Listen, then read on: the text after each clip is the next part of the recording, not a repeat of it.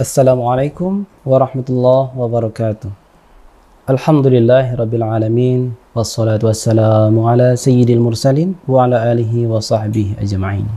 Sahabat Rumi yang dirahmati Allah Subhanahu wa taala, semoga hari-hari kita diberkahi oleh Allah di mana pun kita berada.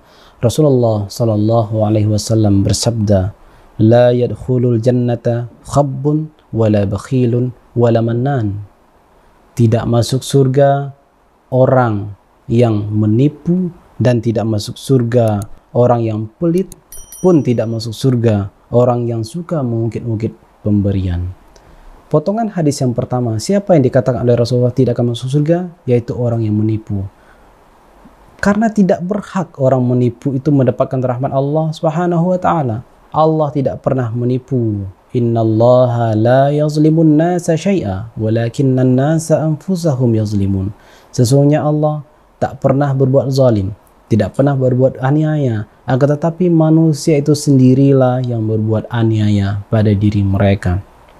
Ketika Allah tidak pernah menipu, lalu Rasulullah pun tak pernah menipu, namun kita melakukan tipuan-tipuan kepada makhluk Allah yang Allah selalu jujur pada hambanya, namun kita menipu sang hamba tersebut, maka di situlah dicabutnya keberkahan dari seseorang.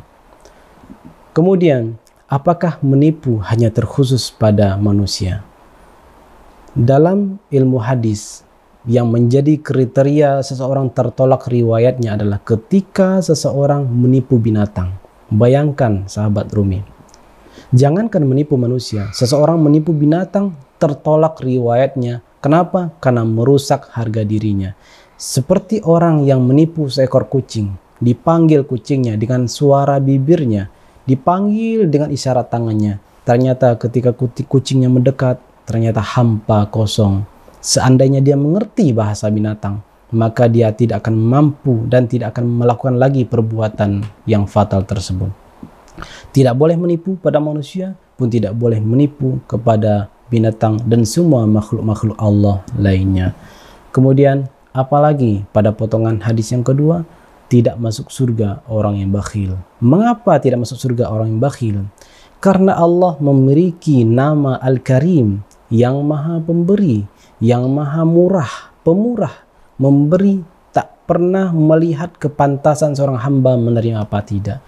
Betapa besarnya maksiat seorang hamba Allah tak memberi. Kalau kita menjadi orang yang pelit, apa hak kita? Apa derajat kita di hadapan Allah? Siapa diri kita sebetulnya? Allah tak pernah bakhil. Rasulullah tak pernah bakhil. Lalu kita pelit. Siapa diri kita? Dan apa pula hak kita mempertahankan harta yang ada di tangan kita? Padahal yang ada di tangan kita sejatinya adalah dari, dari Allah juga. Apa hak kita mempertahankan sesuatu yang singgah di tangan kita? Kalau itu semua adalah titipan tidak ada hak bagi kita sama sekali mempertahankan itu semua.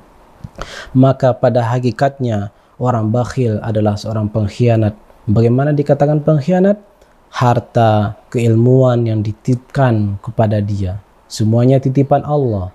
Allah menitipkan itu bukan untuk dipendam dalam dirinya, bukan untuk dipendam dalam sakunya, tapi Allah menjadikan itu harta maupun ilmu atau kinerja semuanya untuk kebermanfaatan bersama.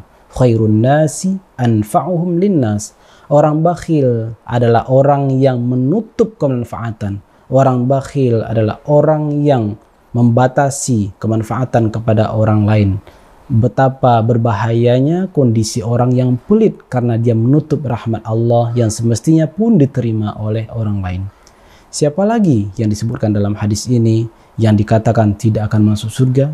Yaitu Al-Mannan. Orang mengungkit-ungkit pemberiannya. Sahabat Rumi yang dirahmati Allah Subhanahu wa taala, dengan husnuzon kita kepada Allah, amalan yang kita lakukan seandainya diangkat, diangkat, menembus langit, menembus langit, namun dalam satu detik kita ungkap itu pemberian kita kepada orang mengungkap dalam rangka menyombongkan diri, mengungkap dalam rangka ria kepada orang lain. Seketika amalan itu sudah hampir tembus langit ketujuh. Lalu kita mengucapkan kata-kata itu, Allah kembali jatuhkan amalan itu. Na'udzubillahi min dzalik. Tidak pantas pula kita mungkit-ungkit. Jadikanlah tempat kita mungkit perbuatan itu kepada Allah yang maha melihat. Kepada Allah yang maha mendengar. Tidak sanggup sebetulnya telinga orang lain untuk mendengar ungkitan-ungkitan kita. Yang maha luas, yang maha tak terbatas pendengarannya adalah Allah subhanahu wa ta'ala. Karena kebaikan itu adalah kebaikan yang sangat kaya, yang tak mampu diterima oleh lisan orang yang tak mampu diterima oleh telinga orang maka limpahkanlah kepada Allah Subhanahu wa taala. Jadikanlah kebaikan-kebaikan itu rahasia antara dia dengan Allah bercakap-cakaplah dengan Allah mengadulah kepada Allah atas perbuatan yang dia lakukan.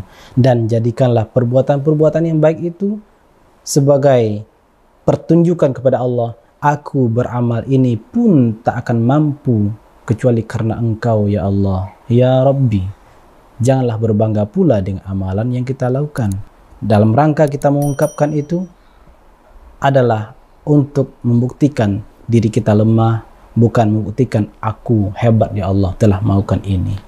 Wallahu a'lam bissawab. Assalamualaikum warahmatullahi wabarakatuh